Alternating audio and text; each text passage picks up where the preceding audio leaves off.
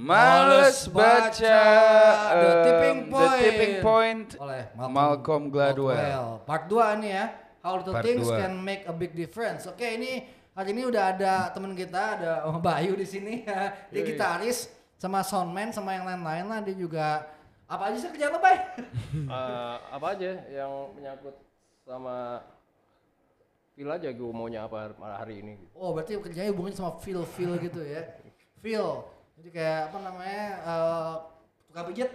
ya bisa jadi ke sana kadang-kadang mijat gitu kan Iya. feelnya apa kerasa nih feel ini nih kita hari ini kita akan bahas, bahas eh, apa namanya bagian kedua nih Bagian kedua. Malcolm Gladwell yang tipping point nih best seller nih international best seller nah kemarin kan kita udah ngomong beberapa hal ya Hmm. pertama ini gue recap dulu ya Eh, apa namanya eh, Tentang bagaimana sebuah ide menyebar nyebar gitu ya seperti seperti epidemi. virus. Tapi hari ini kita akan bicara tentang eh, recap recap dulu yang kemarin kita akan ngomong soal the law of the few nanti eh, sedikit tentang bagaimana sedikit orang bisa mengubah dunia gitu ya.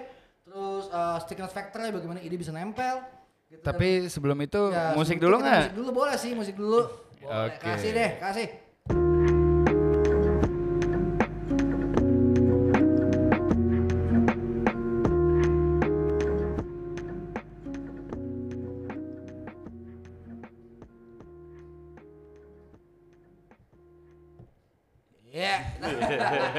Galau nggak lo? Galau nggak? Galau, galau gue. Bangsat banget yang bikin musik nih.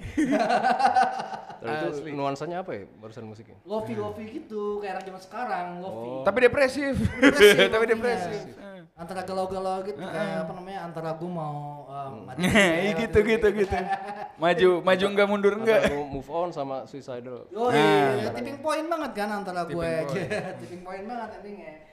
Jadi ya buku-buku buku ini tuh kemarin kita udah ngobrol ya, eh, buku ini tuh tentang bagaimana sebuah ide atau sebuah virus atau sebuah behavior tuh bisa nyebar ke mana-mana dan semua orang jadi percaya sama itu dan melakukan itu gitu. Dia ngasih contoh hal sederhana kayak misalnya bagaimana sepatu hush puppies bisa go internasional karena ada bocah-bocah di East Village. Eh, ini hari ini gue pakai hash papis nih. Oh yo, masih awet tuh bu- sepatu Iya. tuh anjir. Gue pakai kayak cepat rusak tuh anjir. Nah terus sepatu itu kan dipakai sama bocah-bocah di East Village di New York gitu. Eh, dan mereka kebetulan mau orang-orang yang apa? Orang-orang yang suka apa bikin video-video zaman baheula gitu ya. Hipster-hipster terpercaya. Tadi itu tren tahun berapa itu Itu tahun 90-an tuh. 90-an. Mas Papis naik 90-an. Sebenarnya belum lama-lama banget ya. Banyak banget skateboard skateboard zaman dulu tuh ya. Habis itu eh, Sebenarnya gue baru denger orang main skate pakai hash papis tuh baru baru iya, baru denger sekarang. Kayak bukan skate, mungkin mereka apa ya bocah-bocah East Village itu ya. Eh, intinya sih mereka berhasil untuk membuat Papis itu pengen dipakai orang lain gitu. Iya iya. Dan itu pakai soft selling, jadi dia emang tipping point ini organik banget dia di situ ya. Kedua eh, itu Hash Papis. Lagi, ada lagi tipping point itu kayak bagaimana Paul Revere zaman eh, Boston Tea Party tahun abad abad eh, 17 18 itu ketika Amerika perang kemerdekaan berhasil ngumpulin eh, ribuan orang ke Boston untuk perang sama Inggris dengan cara malam-malam dia naik kuda dan ngasih tahu semua orang bahwa Inggris sudah mau datang gitu cuman dia gitu yang bisa ngasih tahu karena yang lain orang jarang percaya artinya kan tipping point juga selain lu perlu lu perlu orang-orang power of the few Iya. lu perlu Apa orang-orang a- yang sedikit agen tapi- agennya tuh kemarin apa konektor sama apa? itu mau Mavic Sama Mavic. Mavic nah agen-agen ini ya Mavic ini berarti orang yang referensinya banyak kayak misalnya Paul River jelas dia uh, uh, politiknya banyak, teman-temannya banyak, dia koneksi orang dan orang percaya sama dia ketika, ketika dia ngomong. Anak-anak di East Village juga emang trendsetter gitu. Artinya mereka dianggap sebagai orang-orang yang tahu gaya gitu ya. Wah, lu tahu gaya. Yang gue bilang tadi hipster-hipster gitu ya. terpercaya. berarti ada hubungannya dengan zaman sejak kapan tuh ya kita wanita itu pakai bra ya Iya sama, menurut saya itu ada hubungannya dengan dengan Ah, tren itu kan, iya, tren iya, pakai iya. Bisa, zaman bisa, Victoria kan itu zaman Victoria Victoria ketika cewek-cewek di apa namanya disuruh pakai bra yang lebih ada uh, rendanya dan lain-lain itu kan buat gue. Sama kayak tren sepatu hak tinggi itu kan awalnya bukan tren itu cuma alat supaya lo nggak tai di London kan. Karena Oh, iya. gitu. Karena kan London tuh kotor-kotor yang Iya. tai di mana-mana kan dan orang kan dulu kan- laki-laki juga pakai juga Iya, ya. laki-laki juga pakai kan. Jadi lo lihat abad-abad eh, 14 15 tuh semua orang pakai hak tinggi karena kalau jalan ya kotor banget aja kan. Orang buang tai di jalanan gitu kan. Dulu nggak ada septic tank gitu. Orang Eropa tuh suka boker pada boker-boker tuh di ember terus dibuang ke jalanan bangsat emang. Kayak sampah ya, kayak Iya, itu kan sampah. juga bikin black death men anjing men. Oh. Itu wah, jelek banget. Dan mereka kan belajar bikin toilet dari siapa coba? Suku Aztec men anjing. Oh. Oh iya, pertama kali punya toilet Aztec Mainka tuh punya toilet tuh duduk, terus ada saluran airnya gitu. Oh. Nah, duduk. Dan sebenarnya juga hal yang sama ada di Romawi, cuman mereka kan eh, Kalau toilet bisa jadi ada yang Flushnya. style Anglo-Saxon, style Jerman sama style Oh, itu kata Zizek ya? Kata Zizek. Tapi itu kan itu style-style toilet itu kan ditemukan sama apa namanya para eh, apa para industri-industrial toilet kan untuk Iya, melihat yang sesuai dengan dengan dengan negara masing-masing gitu. Kalau Jerman misalnya nggak langsung ke lubangnya lu boker tuh langsung di ada kayak tempayan Nah, gitu, itu kayak- lu lu lu bisa tontonin dulu, lu Lu bisa gimana. apa kalau sakit apa enggak karena Jerman kayak punya kebudayaan untuk menganalisis apa pun. Iya. Gitu kan anjing.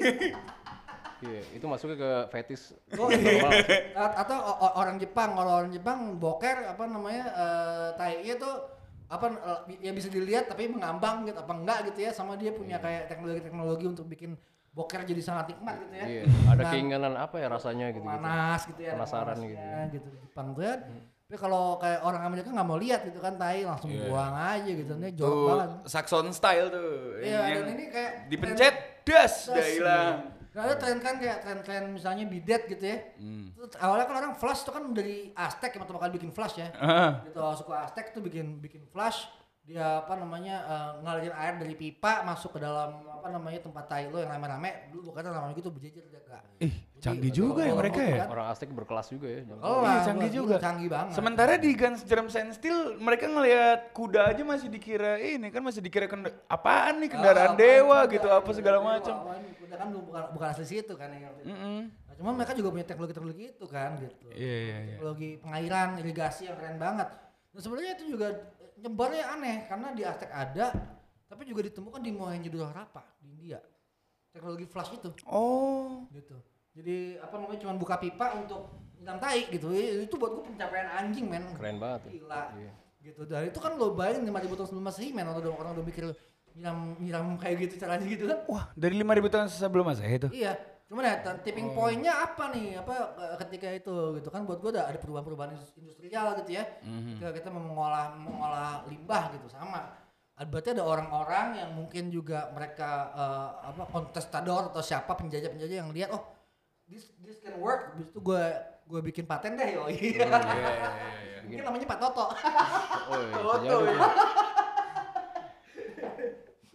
Lo percaya kan sama kami ya kalau lo nggak percaya baca aja lo harus baca ya percaya aja Pak Toto yang Pak Toto, orang Inggris.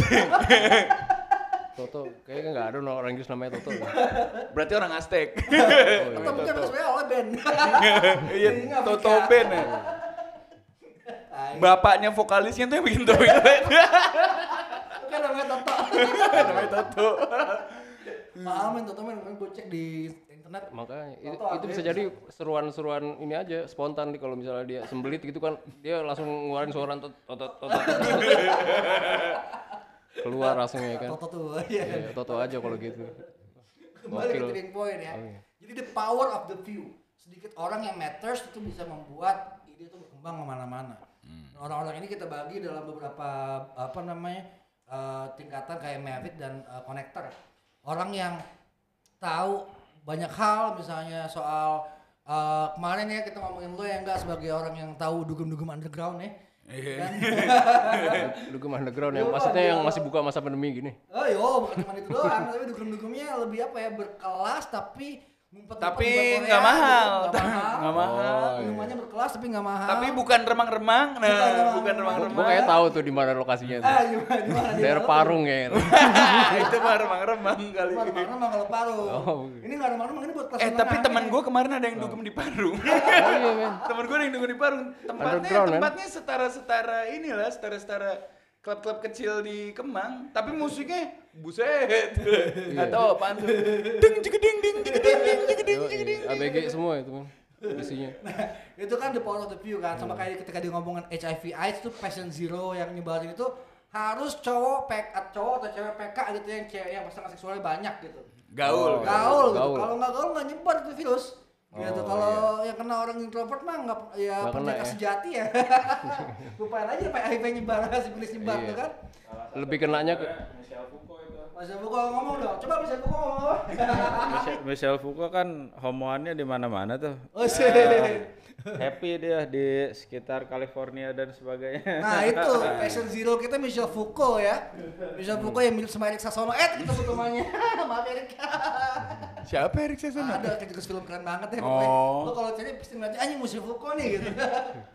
Without the sexual addiction kayak atau enggak atau iya nih. Oke. Nah, balik lagi ya eh, point of view gitu ya. Tanpa point of view itu nggak bakal jadi epidemic gitu. Tapi yang kedua selain jadi selain point of view juga adalah faktor stick- stickiness yang kemarin kita ngomongin stickiness berarti Ah, iya, itu iya. virusnya atau idenya itu nempel ke orang dan cara nempel itu dibuktikan dengan berbagai macam penelitian eh, bagaimana eh, kita mer- me- me- me- mem- mempersif sebuah ide gitu. Kayak yang dilakukan di Sesame Street, eh, dia bikin formula-formula bagaimana anak-anak kecil bisa belajar ber- belajar membaca dan menulis Ya. eh, tanpa harus sekolah gitu. Dan dia sama Elmo dan kawan-kawan gitu kan dan dia ngelihat bahwa ada yang namanya distractor factor gitu, distraction gitu ya. Jadi kalau ceritanya itu terlalu, terlalu berat, anak kecil ya distract dan nggak belajar gitu itu ya. contoh tipik poin yang positif sekali kayak gitu Yo, ya.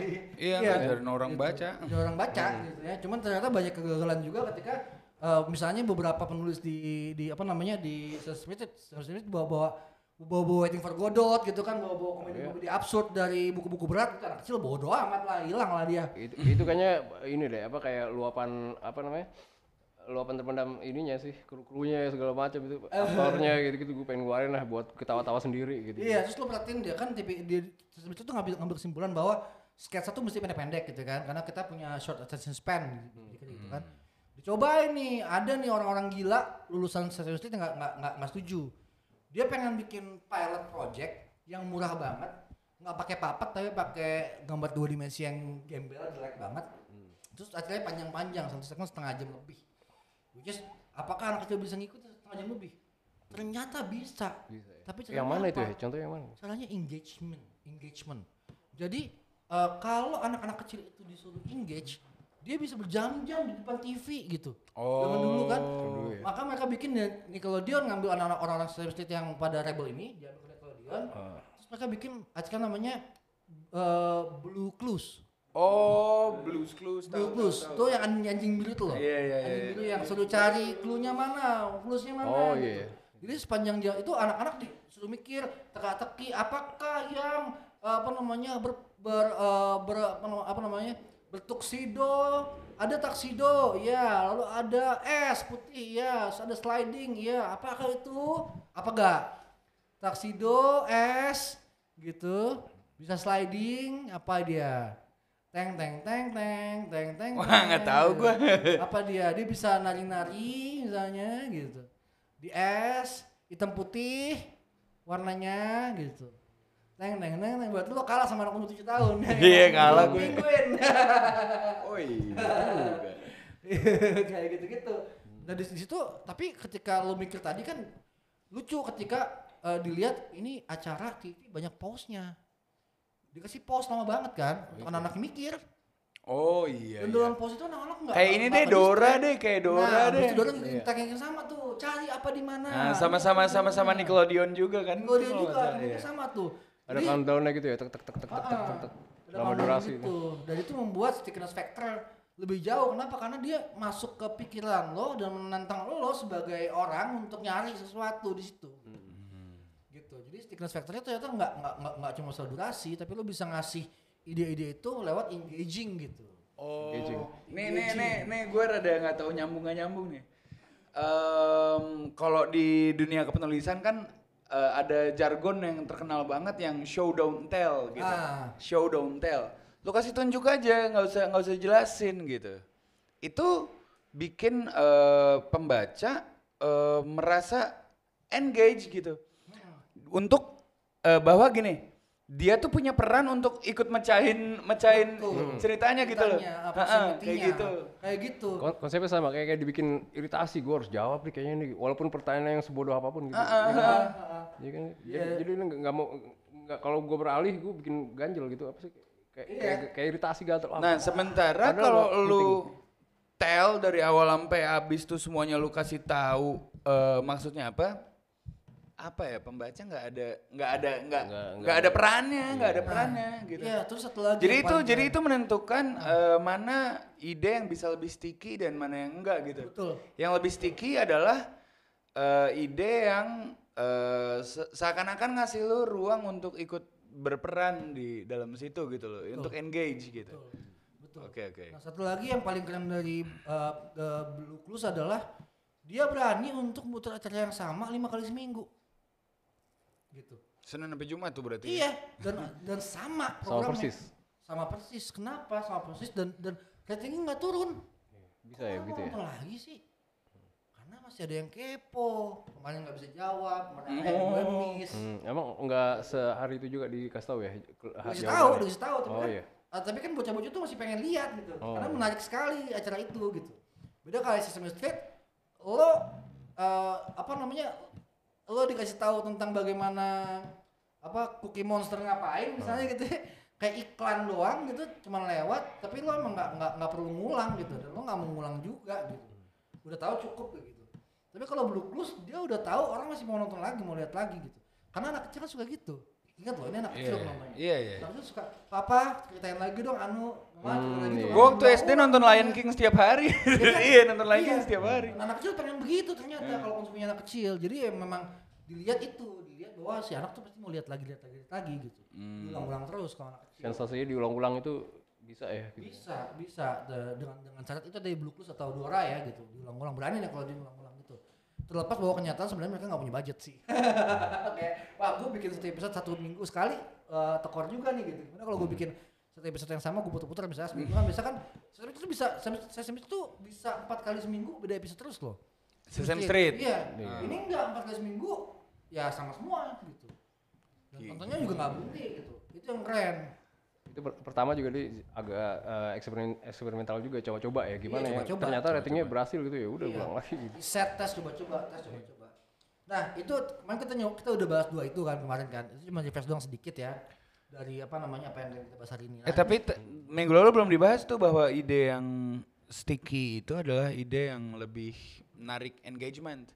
oh iya ya, iya minggu lalu kan gue nanya kayak em, ada nggak kayak semacam kriteria lah ide-ide yang sticky tuh poin satu bagaimana, poin dua gimana gitu. Maksudnya karakternya, Gua udah bahas tadi karakternya. lalu gue udah bahas pembuatan dewasa ingat gak gue cerita soal golden ticket golden ticket Oh. yang kupon-kupon itu Hmm. itu bagaimana kalau iklan doang nih iklan bagus nih bikin niat nih iklan nih tapi kok sales nggak naik gitu tapi kalau iklan itu dibikin let's say ada call to actionnya misalnya iklannya dibikin kalau apa namanya dapatkan golden ticket ini di supermarket terdekat anda misalnya gitu. Hmm. Eh, supaya lo dapet diskon. Lo ambil golden ticketnya lo, lo ngambil barang diskonnya gitu. Jadi ada emang ada engagement juga di situ. Penonton disuruh melakukan sesuatu gitu. Jadi nggak bisa hard selling doang tapi hard sellingnya mesti call to action buat melakukan hal yang lain. Iya. ada lagi contoh yang gini misalnya. Ada sebuah apa namanya sebuah pengumuman tentang em, apa namanya eh tentang vaksinasi atau tes oh iya tes tes so- eh, kalau nggak salah soal tes kesehatan gitu ya. Tes kesehatan eh, sebuah penyakit sifilis atau apa gue lupa. Di kampus. Nah awalnya si seorang profesor eh, komunikasi di sana tugasnya sama kampusnya bisa nggak lu bikin supaya mahasiswa-mahasiswa mau tes gitu mau tes kesehatan? Nah, dia awalnya bikin hard selling. Dia dia ngasih tahu, wah ini image-nya serem-serem banget nih. Ada foto-foto di pamflet image-image serem kalau lo kena penyakit ini, makanya kena penyakit ini, kalau kena penyakit ini cepet-cepet lo cepet-cepet lah lo tes gitu ya. Image itu duluan dikasih dan gak ada impact. Orang jarang jarang yang ngetes kenapa ya gitu. Iya. Karena ternyata idenya itu udah stick sebenarnya awalnya.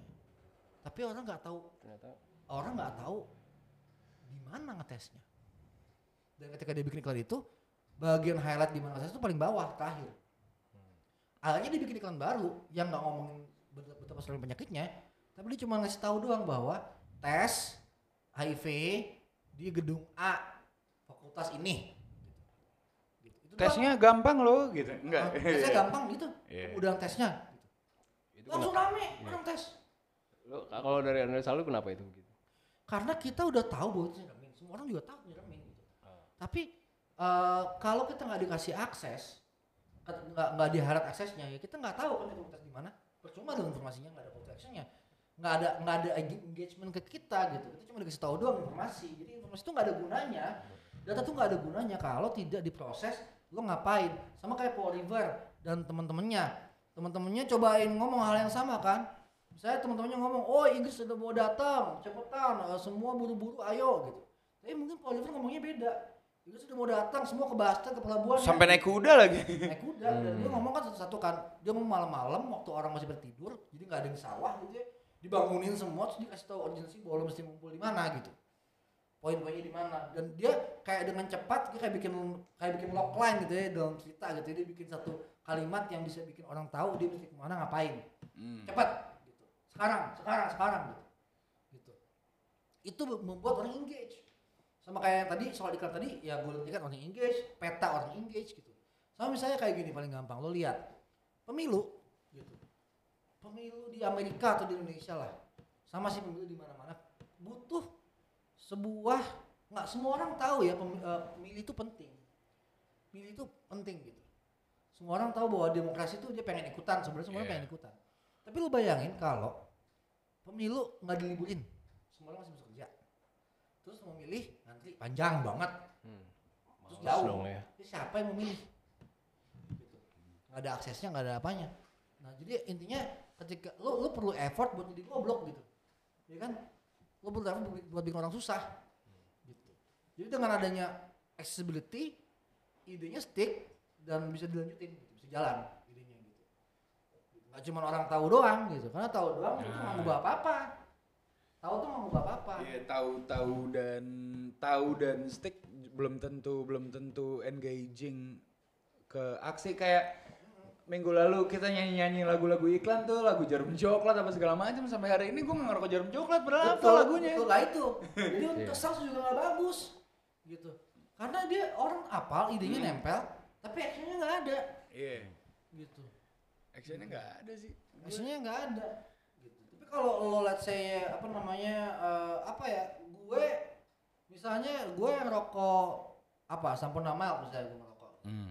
action gue beli mild itu simple karena satu iklannya nunjukin kelas sosial tertentu yang nempel sama gua Hmm. itu kan nggak ada orang rokok di situ kan nggak ada nggak Iya. ada lu suruh rokok nggak ada lu suruh Emang, masih ada iklan Sampurna Mel sekarang? masih masih ada ada ada yang go ahead go Go ahead ahead, iya. go Oh, ahead, iya. gitu kan. Cuman emang iklan sempurna mild itu memang iklan yang iseng-iseng ya buat gue mereka tuh usah iklan juga udah laku.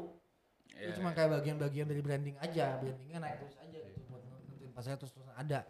Karena udah udah udah udah udah naik idenya udah selesai udah udah tipping point mereka. Dan secara karakteristik rasa kayak paling easy aja gitu semua orang. Ma- Iya, masa ada yang betul. masa ada yang nggak masuk ngerokok? Mil sih gitu. Iya, iya. Dan itu yang bikin yang bikin eh, sebenarnya tipping point-nya udah lewat. Kalau ada kayak gitu tipping point udah lewat, yang sudah jadi tren sebenarnya. Dia cuma perlu mengupdate aja konsumen barunya, anak-anak baru milenial. Iya, yang Dia baru baru mulai mau ngerokok Ngerokok. tapi nggak tahu mau ngisep apa sih gitu. Ah. Kalau gue perhatiin ya zaman dulu ya, dia iklan Sampurna Mel itu mereka yang paling paling bisa dilihat classy gitu. Soalnya yang lainnya itu yang orang Indonesia itu kan yang tipikal mas-mas kumisan zaman dulu ngerokok gitu-gitu. Itu begitu keluar yang Sampurna Mel dia nggak nggak nampilin yang ngerokok tapi animasi dengan ya pakai bahasa Inggris kayak gitu-gitu. How low can you go? Iya, How iya, low iya, can you gitu-gitu. go gitu kan? Wah, gue nggak tahu. Itu how low can you go kan sama gue itu awal-awal tuh ya. Oh, rokok putih. Eh, gue gue nggak tahu, gue nggak tahu. Itu termasuk engagement juga kalau misalnya kita nanya-nanya ini iklan apa sih? Iya dong. Iya kan? Iya dong. nggak? Engagement. Akhirnya penasaran deh coba gitu-gitu terus. Terus oh gue tahu nih iklan ini yang ada di iklan gue. sama ini ya, lebih- nempatin kelas sosial dia juga Ya, iya, kan bisa sosial. jelas kelas sosialnya bahwa Kayak sekarang eh, segmennya Sampurna Mile tuh jelas banget kalau gue lihat dari iklan-iklan yang go ahead go ahead itu sih kan kayak anak-anak muda dengan dandanan hipster-hipster yang gimana gitu. Ya gitulah. Terus sempurna hijau sekarang yang orang-orang lebih ya Nah, itu, tua atau iya. orang- orang-orang yang lebih nongkrong Ah, iya, iya, iya. Ngomong goblok gitu loh yang ah apa namanya? Sampurna hijau. Iya yang Asiknya rame-rame. Iya, iya, yang yang apa apa gotong royong gotong royong gitu lah. Dia gotong royong M-nya gitu. merakyat gitu M-nya dia. Iya, Hmm. ini rakyat gitu. Jadi memang perlu itu. Jadi eh, perlu ya, spasial factor itu erat kaitannya juga selain dengan bagaimana cara kita merangkai kata atau merangkai idenya, juga membawakannya juga siapa yang membawakan itu gitu. Jadi oke orangnya jago yang membawakan tapi nggak sticky dia nggak stick. Gitu ya. Orang yang nggak jago idenya sticky juga nggak stick. Jadi orang jago idenya sticky gitu. Hmm, Setidaknya punya reputasi kalau. Reputasi itu penting, kredensial itu penting buat ngomong gitu. Tanpa kredensial lo nggak bisa ngomong. Iya, Apalagi orangnya ikonik pada masanya gitu. Yoi, yoi. Nah, terus juga apa namanya eh, apa terakhir nih eh, dari tiga faktor tadi ada tadi kan ada apa namanya law of the view, terus stickiness dan terakhir yang mau kita bahas hari ini adalah the power of context. Bahwa tanpa konteks yang benar juga itu tipping tipping point nggak terjadi. Gitu. Harus ada kontekstualisasinya. Dia di terakhir ini konteks ini adalah bab yang paling panjang ya dibagi dua part, saking panjangnya. Gitu. Intinya mencari konteksnya itu apa. Dia buka, uh, Malcolm Gladwell membuka ini dengan ngomongin uh, sebuah kasus di New York City tahun 84. Ada seorang namanya Bernie, dia pulang kerja di umur 30-an, dia pulang kantor di subway New York. Orangnya orang biasa aja, mukanya juga nggak serem apa segala ya orang pulang kantor biasa aja. Terus masuk ke subway dia mau dirampok sama bocah-bocah umur 15 tahun 16 tahun. Ada empat orang mau ngerampok dia bawa beceng. Waduh. Terus eh, bawa beceng bawa pisau gitu ya. Yang bawa beceng kan paling dekat. Habis itu dia buka tasnya eh, kayak mengambil dompet. Habis itu eh, dia ngambil beceng. Dia bawa beceng tembak nggak ragu-ragu. Dar. Satu. Bangun temannya bawa pisau kan. Tembak dar. Dua. Tembak dar. Tiga. Orang pada teriak kan. Ada yang ngerem darurat. Red gitu kan. Ngerem darurat. Udah orang pada mau keluar. Yang terakhir tuh jatuh ngeliat temennya kaget. Dia tuh bisa berhenti. Nih orang empat orang tuh tiga orang udah mati. Hmm. ini bocah nggak tahu apa apa cuma ikut ikutan doang nggak bawa pistol nggak bawa apa. Ngeliatin dia minta minta ampun. Terus dengan tenangnya ditembak. Dar. Gitu. Oh, iya dengan tenang ditembak. Terus dia keluar di subway itu berapa hari kemudian dia datang ke polisi nyariin diri. Bilangnya saya yang nembak nah tapi hampir semua media di New York itu mengagung-agungkan dia sebagai vigilante hero karena dia adalah orang pertama yang berani nembak orang lain. Di subway ketika semua orang ketakutan sebenarnya sama subway New York karena tahun 84 itu tingkat kejahatan New York tingginya setengah mati. Orang takut. Gitu. Perang gangster segala kan. Apa namanya eh, itu lagi gila-gilanya New York tahun 80-an itu. Gitu lagi gila-gilanya.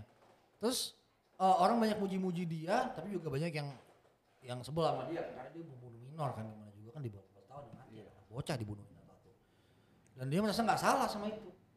Dia merasa gue nembak sebelum gue ditembak. Dia kan juga bawa beceng. Kan dia nunjukin beceng ke gue udah gue tembak. Simple as that gitu. Dan habis itu mulai tren baru bahwa orang-orang mulai vigilante banyak bawa beceng dia jadi tambah seram. Hmm. sampai akhirnya ada seorang seorang kriminolog punya teori namanya the, the broken windows theory.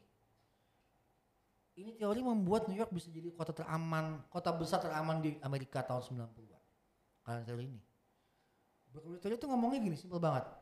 Bahwa kalau lo kalau ada orang lempar batu ke kaca kaca rumah orang dan itu kaca didiemin aja. Orangnya nggak ditangkap yang batu ditangkap yang apa namanya yang kacanya juga nggak dibetulin maka lo telah membuat konteks untuk kejahatan.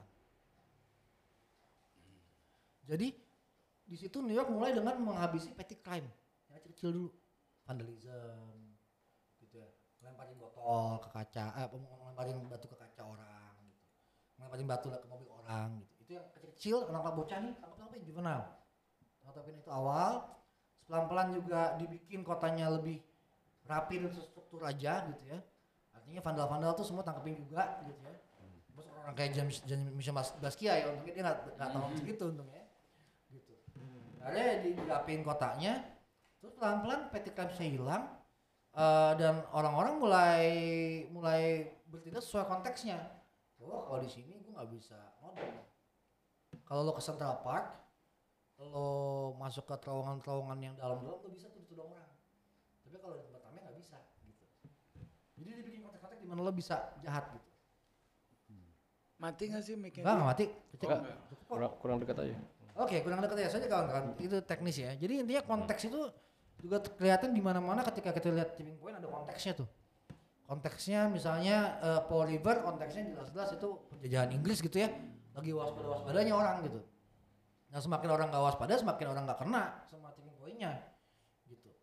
Sama kayak misalnya hash papis, orang lagi punya daya beli gitu. Belum krisis moneter.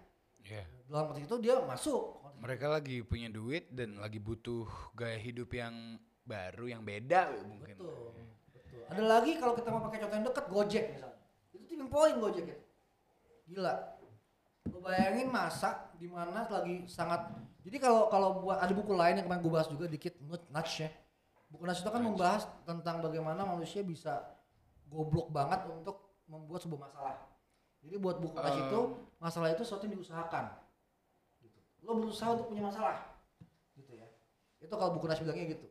Jadi it, it, it took a lot of effort to make a problem. Misalnya Jakarta. Kemacetan Jakarta itu kan sebuah masalah yang ditumpuk bertahun-tahun dengan semua usaha. Usaha apa ya? Usaha ngemplang ngem- ngemplang apa namanya tata kota, tata kota yang udah dibikin bagus dibikin hancur. Kan usaha tuh. Untuk Orang supaya bisa bangun gedung gitu kan, supaya bisa bangun apartemen gitu ya. Apa namanya kayak di Kemang misalnya Campville tuh kan dibangun atas tanah-tanah yang udah pasti bikin banjir di mana-mana makanya bangka tenggelam kan. Iya, Thanks to iya. Campville kan sebenarnya itu kan usaha tuh. Lo usaha bikin itu gitu. Usaha buat kebodohan itu. Dan kemacetan-kemacetan Jakarta juga sama, us- apa namanya peraturan tentang parkir, mobil, harga mobil murah, apa segala gitu. Ditembusin lobby-lobbynya. Gitu. Ada usaha lobby yang ditembusin dan semua orang berusaha untuk bikin Jakarta macet. Semua orang berusaha untuk bikin Jakarta macet. Dengan segampang beli mobil pribadi dan Gampang beli mobil pribadi atau bekerja di tengah kota atau tidak men- tidak menata kota dengan ini adalah bagian pekerja, ini adalah bagian tinggal. Nggak nggak ada jalur yang benar Mhm. gitu. gitu. Berusaha untuk proyek-proyek besar transportasi nggak gol. Kayak MRT, New York itu bikin MRT tahun 1900. MRT New York. 1000 itu 100 tahun yang lalu gak? 121. 120 tahun yang lalu. New York. Sementara kita baru tahun 2017, 15 mulai mulai mulai, Iya. mulai bangun. Mulai mulai dibangun sebenarnya udah lama tuh dulu di Senayan kan. Tapi udah- selalu mati, mati, mati nggak jadi-jadi, proyeknya kan ganjil-ganjil dan itu ada usaha-usaha buat ngeganjel itu. Karena kalau itu yang menangin misalnya saya zaman Ahok dibangun, ya Ahok kan dapat ganjel dulu, ganjel dulu. Usaha-usaha buat ngeganjel itu banyak banget. Anyway, back to Gojek. Nah di Makarim waktu itu ngelihat eh, apa ya permasalahan yang ingin dipecahkan. Masalah macet, masalah bagaimana feeder nggak jalan, angkot juga bikin macet, tambah lama semua orang, tukang ojek banyak. Tapi nggak teratur gitu. Manggil ojek kita mesti ke pangkalan. Sementara rumah tuh banyak yang sela-sela kan gitu kan. Plus ada konteksnya apa? Application smartphones konteksnya. Konteks smartphone internet gitu. Konteks itu dia masuk dia bikin app untuk manggil gojek doang awalnya kan. Appnya sangat sederhana ingat gak simpel banget gojek yang awal kan cuman bagaimana caranya manggil gojek? Iya, manggil gitu tukang doang. ojek gitu doang. Tujuannya ke mana? Udah gitu doang. tujuannya ke mana? Udah gitu doang. Gitu. Dan ketika itu dicoba gitu ya terjadilah tipping point itu. Jadi kita udah punya Mavic-nya Mavic kok- kita punya Mavic-nya yang bukan Nadim gue yakin Mavic-nya adalah apa program-program gila yang dia kenal. Itu Mavic programnya gitu. Nadim tuh connector. Jelas Iya. dia anak orang kaya dia kuliah di luar negeri koneksinya banyak gitu ya. Dia anak Harvard ya. Harvard ya. anak Harvard kan. Jadi koneksinya banyak buat cari modal gitu. Wagyu tuh. Anak Oh, Harvard Wagyu. Wah, gila dan di situ dia connector dan dia bikin tipping pointnya. Trennya jalan jebret langsung kan. Dan udah pasti tipping point itu selalu punya perlawanan perlawanan kan sampai semua lima gitu. Ya, ya tapi pada akhirnya kan semua orang nerima kok. Tapi tetap itu bukan ide original bukan? Itu kan eh, lebih apa sih dia meniru sama Uber yang udah ada di luar gitu kan? ya iya Awalnya? betul betul, betul. memang awalnya Uber dulu cuman kan Uber nggak bakal ber- nggak bakal gitu berhasil di sini awalnya waktu zaman itu karena kita butuhnya tuh feeder feeder itu kan artinya kan dia kita ngebawa orang dari satu titik ke titik lain dengan cepat mobil lebih lama Oh iya, Uber Uber tuh cuma mobil doang zaman dulu ya. Heeh. ketika udah ada Gokar hari ini atau atau apa Grabcar apa pun itu yang mobil-mobil tetap aja itu kan buat yang mewah-mewah yang nggak dikejar waktu Hmm. Sekaya kayaknya lo di Jakarta. Kalau lo mau ngejar waktu lo nggak bakal pakai Gokar Apalagi sebagian besar di sini orang punya motor semua gitu. iya. Punya Ojek motor macam. parkirnya susah. Jadi parkir lagi bayar parkir lagi ribet. Ini pakai gojek cepet kan?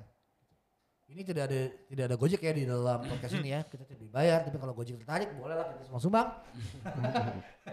Tapi intinya tipping point itu terjadi gitu. Di, di ketika kita ada konteksnya gitu.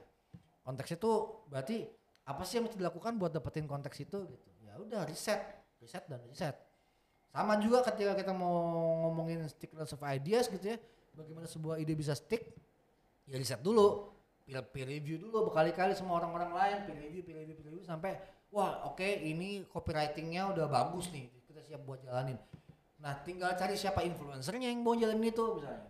Siapa konektornya gitu. Dan apakah konteksnya tepat. Gitu. Nah, itu kira-kira cara gampang buat menjelaskan buku yang panjang ini contohnya banyak banget ya. Contohnya banyak banget ya. Oh tipping point itu khususnya ke, ke arah produk ya? Enggak juga. Gua nggak baca sih bukunya. Misalnya emang lu, lu jangan baca kan ini Iya. baca. Kalau Iya. baca gua bisa di follow. Iya arahnya ke, ke produk gitu ya. Semua semua hal yang Semua hal yang- menjamur gitu ya. Menjamur ya. produk behavior misalnya ngerokok misalnya. Hmm. Merokok, suicide misalnya. Itu juga sama tuh kan menjamur. Suicide itu. Tren lah ngomongin. Tren, tren, Tren. ngomongin tren. Hmm. Trennya di mana?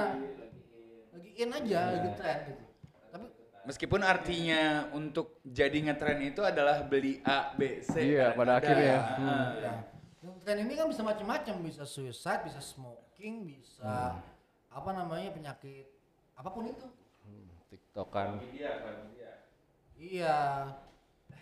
Oke, ada Gojek tuh. Gojek buat siapa ini? Oh, by the way Oh, kawan-kawan diomongin. kita hari ini disponsori oleh uh, Max Cheese, lagi di Cheese kita. Dan ada juga uh, minuman namanya Goler, minuman enak buat Fernando Aji. Yoi. Lo bisa dapetin di Tokopedia. Namanya udah bukan Fernando Squash ya. Belum. Belum lagi. Homemade asli. tuh. Oke. Iya pak, buat Nosa ya, saya pak. Udah dibayar belum pak? Dibayar? Oh ya makasih pak. Oke, itu adalah tadi kita udah ngomongin Gojek ya kawan-kawan. Sekarang Iya. ada beban Gojek di sini bawa paket gue. Ore, iya. Makasih pak. Foto dulu, foto aja malu saya. Nggak foto kita lagi. Oh, foto kita lagi podcast. ya, Pak. Wah. Yoi. Yeay. Saya kalah pintu tuh mukanya. berarti. Makasih ya, Pak. Banyak enggak sih. Nosa, Pak. oh iya, kita belum kenal ya. Di sini ada Rangga, eh, apa eh, host lo, ada gua Nosa, host monster lo, ada Bayu dan ada Asep di sini. Asep mabok katanya karena kita disponsori oleh Goler kawan-kawan ya saya ulang ya Iya, Goler iya, iya. apakah stikin nama itu ke kalian gue udah bilang kayak yang bikin masa namanya Goler sih gitu gue deketnya kayak Galer gue bilang Iya, deket banget. cukup berat sama Galer men dan Yoi. Iya. Yuk bagi set. Wow, wow. Packingnya bagus sekali nih. Gue dikirimin sebuah tas oleh toko Matasim. Ini toko yang dulu gue bikin sekarang lagi dikelola sama orang lain guys. Nah ini ada stok baru gitu. Keren iklan ya. Wah tas pinggang keren bol. Gila. Anyway, stiker spectrum tuh begitu kira-kira gitu. Dan eh, sering kali tadi itu ya gue gue pikir power to the view tuh artinya lo nggak bik- nggak butuh banyak orang kok untuk bikin suatu hal jadi tren lo butuh beberapa orang doang gitu. Yang meter. Yang meter banget aja. Meter. Yang meter banget aja gitu. Makanya eh, penting banget buat riset tentang siapa nih orang-orang yang bakal ngomong ide ini dan ide ini apakah cukup cukup sedikit apa enggak gitu. Iya. Dan kalau itu udah jalan, eh, apa namanya nggak dijamin sih, cuman eh, hampir pasti kalau risetnya bener itu nempel. Gitu. Banyak tren sudah dibikin kayak social engineering gitu hari-hari ini untuk untuk ngelepas sebuah Nempel akhir, pada akhirnya jadi sesuatu yang wajar gitu. Iya, sesuatu yang wajar. gitu. Sangat wajar gitu. Heeh. Termasuk hal-hal buruk ya, nggak cuma hal baik ya, hal buruk juga sama. Kayak misalnya ada yang bilang bahwa penyakit mental itu epidemik. Nah, gue pernah bahas di blog gue senosa.com tuh soal kesepian. Kesepian itu di Inggris kan epidemik men. Dia nular, nular dia. Gitu. Kesepian ular. Nular, kesepian itu menular. Jadi kesepian itu kan di wow, karena abis tas ini, tas ini mereknya Tech Academy guys. Buset, mantep banget bahannya. Tech Academy. Academy, wah gila keren banget, gila. Waduh, dapetin di toko mati sih men, ini belum diupload kayak ini. Wah gila, deh. Ya, jadi kesepian itu epidemik. Cara menularnya gimana? Menularnya misalnya gini kak. Em, pertama coba cari the power of the few. Siapa yang nularin kesepian? Gitu. Oke. Atau mungkin gampangnya gue kasih ilustrasi lain ya. Ada sebuah penelitian di buku itu juga di buku Malcolm Gladwell juga. Penelitiannya sederhana. Eh, eh, kampus ngeluarin sebuah project. Gitu. project di mana uh, lo lo melakukan sebuah let's say uh, apa namanya project soal let's say project film lah atau apa pun lah. Nah, lo uh, milih orang-orang yang jago-jago nih. Lo pilih yang jago-jago nih buat bikin proyek ini. Gitu. Tapi lo tinggal ngasih tiga orang aktor yang pura-puranya bukan aktor, bukan aktor ya pura-puranya orang bukan aktor. Yang pilih di tim lo. Aktor ini anggaplah satu orang itu Grampi, sukanya ngomong. Satu orang lagi apa namanya eh, suka ngata-ngatain orang lain gitu ya. Dikit-dikit, ah lo geblek lo apa lo malah malesan gitu. Yang ketiga orangnya sedihan. Oh semuanya dari sisi negatifnya ya. Kirain satu ada yang Nah, tapi tiga orang itu dikasih ke tim yang isinya 20 orang. oh iya. Ya, 20 orang. Terus sisanya jadi 20 orang 17 orang orang bener nih semua yang siap kerja, tiga orang orang gila. Gitu ya. Satu lagi tim isinya 17 orang, tambah orang gila, tambah orang ini, orang. Jelas perform- performance jauh banget. Dan indikatornya udah jelas dari itu mengganggu produktivitas. Lu nggak suka kerja sama orang yang galau, nggak enak, dikit-dikit galau tuh anjing ngedown semua orang gitu. Nah, contoh paling keren, lo bisa baca di sebuah buku judulnya eh, No Rules Rules Netflix. Gitu. Itu buku itu yang bikin yang punya Netflix, yang bikin Netflix. Dan dia bilang waktu Netflix itu ancur-ancuran, zaman dia awal-awal dia bikin kayak DVD, ngirim DVD, zaman DVD. Awalnya kan dia ngirim kaset tuh, lama-lama DVD. Habis itu kan mulai bangkrut. Kenapa bangkrut? Ya ini karena eh, Ya berarti investor. Netflix gitu. kayak video easy gitu ya. Video Iya, ada kayak video easy tapi kan video easy kan gak dikirim ke rumah. Netflix dikirim ke rumah. Oh. Gitu. Oh awalnya gitu ya? Awalnya gitu. Awalnya cuma Dari logonya juga dari dulu gitu. gitu. Iya, Sama. Oh. Jadi awalnya tuh ya network flix, film network sebenarnya. Jadi lu di networking, terus lu dikirimin ke rumah eh, DVD-DVD yang lu suka, rental. Gitu. Rental. Terus lu balikin pakai pos juga. Terus ternyata nggak untung. Jadi banyak investor yang cabut. Tapi dia masih mau nekat jalan terus apa enggak nih? Jalan terus deh gitu. Saya jalannya gimana? Jadi oke deh kita mau nggak mau mulai mencat orang. Jadi mereka pakai KPI, indicator, yang kira-kira kerjanya tuh nggak maksimal, dipecat-pecatin. Dan kerjaannya diganti sama orang lain yang dia nggak ngambil orang baru, jadi nggak diganti. Jadi satu orang megang kerjaan Jadi orang. ah. Gitu. Tapi yang KPI paling tinggi, yang KPI paling tinggi megang kerjaan Kayak paling tinggi berarti loyalnya paling tinggi tuh ya. Itu tinggi. Bisa multitasking Ah, gitu-gitu. multitasking sama orangnya gilang. Jadi dicari orang-orang yang yang yang kalau kerja tuh semangat terus. Sama kalau ada Hmm. masalah tuh, wah, wah ini gimana ya? Pas berasa kayak happy-nya sama mati gitu. Hmm. Passionnya tinggi banget sama kerjaannya. Entah itu di luar kerjaan dia nggak happy bodo amat gitu. Udah amat tapi dia, dia ketika di kantor dia happy. Iya. Yang terjadi adalah kenaikan besar-besaran ini apa namanya eh, keuntungannya dibanding sama kerja banyak orang tapi nggak happy. Akhirnya kan dia memutuskan oke kita akan terus pakai sistem ini. Jadi Netflix sampai hari ini pun kerjanya sedikit dibanding sama eh, Oh, iya. Disney Plus atau eh, HBO. Sedikit orang. Sedikit orang yang benar-benar dedikasi hidupnya Dedikasi emang. dan agak gila emang. Hmm. Agak gila. Dan Netflix juga tidak percaya sama pitching dan buka pasar. Dia percaya sama relation sosial. Nah, itulah kenapa kalau lo mau masuk Netflix film lo, lo nggak boleh pitching, lo mesti disamperin sama produsernya. Disamperin dia nyari orang. Jadi bener-bener dia yang gerak nyari orang dan kenalan dan ngobrol. Kalau nyambung, ayo. Kalau nggak nyambung nggak.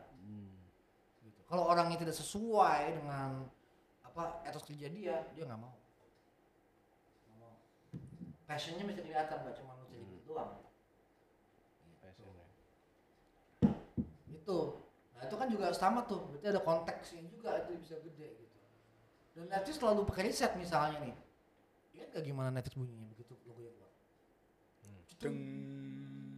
Gitu kan? Itu ada ceritanya di podcast lain. Lo bisa lihat uh, podcast itu di des- deskripsi podcast ini ya. Uh, bagaimana dia bikin uh, lagu jingle yang cuma jedung doang itu. Perjuangannya setengah mati buat riset orang Ma- uh, suka milih lagu yang mana untuk membuka film, membuka sebelum film gitu. Karena kan kalau lo lihat kan kayak uh, bumper-bumpernya kan banyak kan kan film panjang-panjang kan. Iya. Gitu kan apa namanya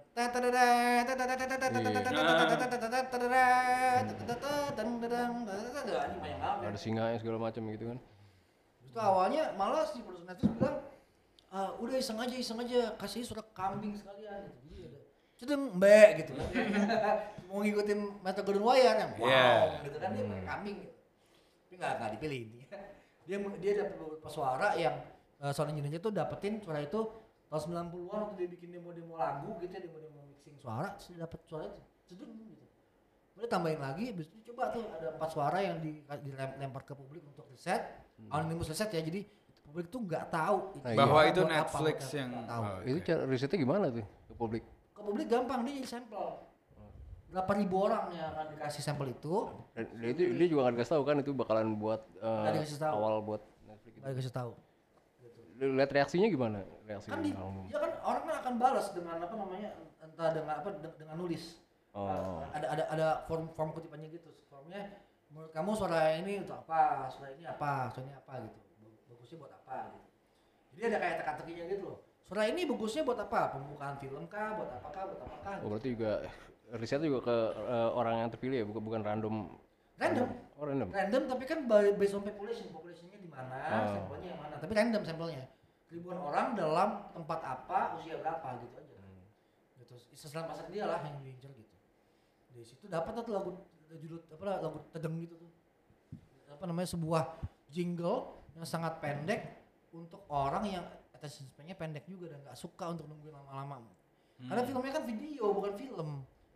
Kita nggak kita bukan di bioskop yang terjebak dengan iklan dulu panjang, sensor dulu panjang. Film ini sudah disensor ya tetapi. Cocok buat berarti yang umur 11 anak- tahun kan. anak-anak psikologi berarti berperan penting dong di situ Oh iya. Jelas bagian R&D-nya penting banget sih itu. Jadi tipping point-nya mau dipakai di banyak tempat ya. Banyak tempat untuk untuk men- mensosialisasikan sesuatu gitu. Jadi kalau lo nggak riset dengan baik, nggak tahu info tentang pasarnya dengan baik, nggak tahu konteksnya, nggak tahu siapa power of the view-nya, power of stickiness-nya, sama power of the context, ya sudah terjamin ide lo bakal hancur di jalan. Bukan absurd. Nggak bakal orang ingat. Dan selama ini kan industri kita juga berpegang sama itu kan quantity aja kan tidak berpikir tentang bagaimana nampolnya sebuah ide Iya. gitu. jadi lo bisa lihat mana ide yang mateng mana yang mentah. Mateng lewat riset mateng lewat R&D mateng lewat peer review gitu itu juga yang coba gue lakukan di Mondi Blank Film Workshop misalnya kalau kalian nggak tahu Mondi Blank adalah sebuah yayasan. Buat buat eh, melatih profesional support ya untuk filmmaker gitu. Gue coba bikin tren itu gue coba bikin tren di mana bisa nggak sih orang belajar film nggak bayar malah dibayarin filmnya gitu kan. Gue coba cari itu gitu. Dan ternyata gue sempat ngomong nih dulu eh, tahun lalu gue bilang ini kalau ada donatur atau investor yang mau bayarin film anak-anak belajar ini orang gila pasti ternyata orang gila banyak. Orang bilang keren. Gila tipping point-nya udah mulai kelihatan tapi kan kita mesti lihat lebih banyak lagi kan ekspansi lagi nih. Cuman intinya bisa kok lo apa namanya em, apa untung atau dapat film-film bagus dari orang yang belajarnya niat gitu. Dan Mondi kan juga kan pakai power of the view kan. Kalau lo lihat Mondi Mondi tuh eh, buat masuknya aja lo mesti PDKT dulu ke ke para membernya nongkrong nongkrong dulu wawancara dulu gitu. Tahun depan lebih parah lagi nanti ada wawancara sama keluarganya segala katanya sih begitu. Jadi bakal bakal benar-benar kencang buat tahu bahwa apakah orang yang masuk Mondi ini nggak usah banyak-banyak. Cuman apakah dia pantas dapat beasiswa puluhan juta buat dia belajar film dan bikin film sendiri gitu. Gitu. Apakah dia adalah the few yang punya power gitu ini juga hal yang sama ketika kita lihat UI ya misalnya ya dengan SPMB yang susah-susah gitu kan mereka kan mau mencari power few ya Ah, iya. Cuma akhirnya bahayanya kadang-kadang gini ya, kadang-kadang bahayanya itu kayak sering kali institusi itu berhasil menjaring orang, tapi karena orangnya pinter-pinter gitu ya, sebenarnya nggak matters institusinya. Kayak orang masuk, misalnya let's say kita lihat satu kampus yang eh, namanya IKJ misalnya. Konon ada anak IKJ nih, angkatan tahun 80-an yang ngomong sama gua, mengutip dia, maafnya IKJ nih ya, ini kritikan dari alumni kalian nih, jadi gua cuman nyampeinnya kritikannya. Katanya itu orang-orang kayak eh, semua sutradara hebat dari IKJ itu bukan karena IKJ, karena dari awal masuk udah pinter. Jadi keluarnya pinter. Kenapa? Kenapa bisa ngomong kayak gitu? Karena kok dikit yang keluar kayak gitu. Kalau gak dari KJ, maka semua dari KJ kan kayak gitu pinternya. Iya sih. Sama kayak lu bangga kuliah di Harvard, karena lulus Harvard segitu semua pinternya gitu. Pinternya minimal segoblok-gobloknya lu lulus Harvard, lu pinter bro. Gitu. Dan bukan karena dan ketika lo masuk mau keluar lu beda gitu, keluarnya beda. Iya, iya, iya, iya. Beda. Gitu. Buat teman kita yang alumni KJ tahun 80-an ini, Orang masuk dan keluar di KJ beda kok. Keluar-keluar jadi makin tolol. Gua nggak berani ngomong. Enggak apa-apa, enggak apa-apa. Gua gua pernah di KJ soalnya jadi. ini adalah anak DOI KJ nih. Iya, iya, anak DOI KJ gue. Dia makin tolol nih, yang Gue ngomong makin gitu. tolol gue dari masuk sampai keluar. Oh lulus, lu sampai wisuda ya lulus ya? Oh, enggak. udah. Wis udah gitu dia. bilang. Wis udah. Iya, wis udah. Oke, ada pertanyaan lagi soal tipping point ini. Ini gue pakai banget sehari-hari sekarang nih, serius deh. Dari kemarin gue kayak eh, apa namanya coba eh, misalnya gue mau bikin sebuah eh, film atau mau pitching eh, project sesuatu gitu, gue pastiin dulu idenya stick gitu. Oh iya, idenya sticky dulu. Heeh. Dan itu gue sekarang kayak orang tolol ya kadang-kadang. Gue sangat ragu-ragu sama ide gue sendiri walaupun kayaknya kayaknya bagus nih ide gitu. Cuma pasti gue lempar ke grup. Gue lempar dulu ke grup, kalau grupnya nggak balas gue japri orangnya eh lo lihat dong nih menurut lo gimana? Nih udah bener apa belum sini gue apa jajan gue gila gitu kan. Apakah ini bukan kenyataan? Siapa lu? Siapa gua? gitu. Siapakah gua? gitu nah meyakinkan lagi bahwa this this will work ya harus dengan dengan opinion opinion second and third opinion untuk ngelihat lu suka nggak sih sama ide ini sebenarnya? Gitu. Gitu. Jadi emang emang mesti ada workshop workshopnya untuk mesti, mesti ada cara-cara untuk nongkrong itu. Makanya gue paling suka kalau ketika gue ngajar production pitching gitu pitching production tuh gue selalu bilang skill pertama yang lo mesti punya adalah gimana cara present ide lo di warung kopi dan teman-teman lo mau dengerin. Nah, iya. Di warung kopi dan teman-teman mau dengerin. Gitu. Kalau lo present ide itu teman-teman nggak mau dengerin berarti emang itu jelek jelek aja tuh ide. Jelek aja. Gitu. Terus ada yang nanya kan tapi kalau teman-teman warung kopi konteksnya beda dong sama orang-orang investor? Enggak sama aja. Tinggal bahasanya diganti bahasa. Iya. bahasa Oh, kata-katanya diganti tapi ide bagus ide bagus.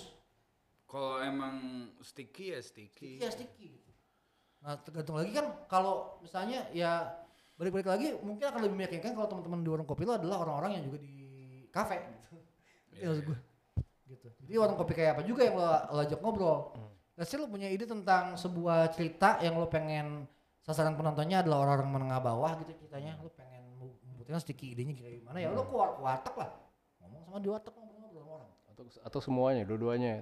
Gimana dulu Di di kafe juga, di warteg. Iya di juga. kafe juga di, juga di kafe buat nyari modalnya buat ngomong bahwa eh lo kalau bikin film gue nih kemarin gue ke warteg nih orang pada suka nih itu lo bisa dapat penonton penonton kelas menengah bawah tuh dari ratusan juta orang nih lo mau nggak invest? Mau.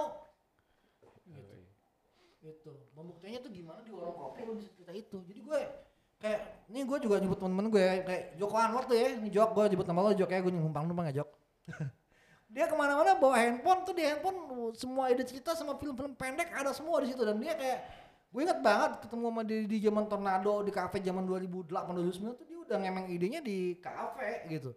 Sampai hari ini pun ketemu gue tanpa dia apa ya tanpa dia berharap macam-macam gitu tanpa berharap bahwa gue akan akan apa namanya membiayai film dia yang pasti mahal banget dan gue bakal bisa biayai gitu ya. Hmm. dia tetap ngomong ide filmnya ke gue dan tanpa takut sama ide itu dicuri apa enggak karena ide itu mesti viral dulu aja. Apakah work? Gitu ide itu ke gue dan selalu work idenya. Dia ngetes ngetes gue rasa sih dia ngetes ngetes aja gitu kalau gue ngerti ide ini orang bisa jadi orang ngerti juga gitu. Kalau gue tertarik minimal minimal se seburuk-buruknya pasti gue tonton filmnya Joko gitu pasti gue tonton Jadi perlu jadi jadi peer reviewnya peer review di tongkrongan ya dan Di dan bukan dan tongkrongan. bukan Tongkrongan ya. dan bu- Iya. dan bukan apa ya kayak nggak nggak di setting yang ini banget lah yang film banget gitu nggak di- apa, maksud ngerti nggak sih maksudnya di, Iya. di, di environment yang film banget gitu tapi di mana aja di gitu mana aja lo lagi ngobrol lo sebagai lo aja ngobrol gitu kan Hmm. makanya pertanyaan hari ini yang paling gue suka adalah house life paling suka pertanyaan itu hari ini. House life man? Gitu. Karena kayak house life tuh cuman nggak nggak nanya eh apa kabar bay? Paling lo cuma jawab baik gitu. Mm-mm. tapi kalau gue tanya lo bay bay Gimana house life, kehidupan? gimana kehidupan gitu. Nah lo pikir dulu kan kehidupan gimana ya? Gitu kan kayak. Yo, luas itu jawabnya. Iya dan habis itu lu bisa nggak tahu ya kalau gue ditanya house life? Gue sibuk nih gue lagi bikin ini ini ini. Langsung ngomongin kerjaan kan. Apakah di sambil sama apa nih mereknya nih minuman ini? Goler, goler. Goler ini nanya kehidupan bah, asik deh tuh baru. Aduh, aduh tolong Panjang. dong buat gua goler. Kok jadi gue gue siap aja deh, gue siap aja. Jadi gue Ini ini. udah ini aja tutor aja tutor. Ah, itu tuh yang itu. Eh. Aduh, ada, asik ada banget. sesuatunya. Ya, ini gelas siapa lagi? Nggak tahu udah pakai udah. Ya kawan-kawan sponsor golan ini mantep banget ini. Adalah sebuah minuman jamu ya kesehatan kawan-kawan. Bag- masih ada nggak bang? Ya habis. Ya udah nih, gue beberapa tetes terakhir. Lah, lu dikit lagi deh. Aduh, gue dikit lagi gila di- dikasih gue. Juga Gue dari, gue dari tadi udah bergelas-gelas. epidemik ini epidemik. Wah. Enggak tetes terakhir itu suaranya masuk. Gitu. Well, kawan-kawan, ter- terasa sudah hampir satu jam ya. Kita bicara di podcast Malas Baca episode 3 di season 3 ini. Eh, kayaknya kita mesti mengakhiri ini ke takut kelamaan sejam men. Kadang-kadang dan kita kan kayaknya kita kurang engage juga ya kita nggak kayak blue clues gitu yang lo disuruh engage gitu ya. Cuma jangan lupa bahwa podcast ini adalah podcast untuk orang-orang yang malas baca dan pengen kelihatan keren dan pintar. Jadi memang kalau lo di mobil, di motor, jalan kaki ke mana gitu lo bisa dengerin. Gak usah baca, lo dengerin kita aja gitu dan lo bisa Nyampe-nyampe tempat Nyampe-nyampe tujuan, tempat lu, lu pinter. bisa. Lo bisa ngemeng ide-ide lo gitu. iya, ket- ketemuan sama gebetan Bumble lu atau Eh, gimana gitu gila, kan, lagi gebetan OTW, Bumble. Gebetan Lu Bumble. Kemarin temen gua ada tuh yang apa namanya lagi di lagi di Atta Beranta di, di ND apa di mana gitu.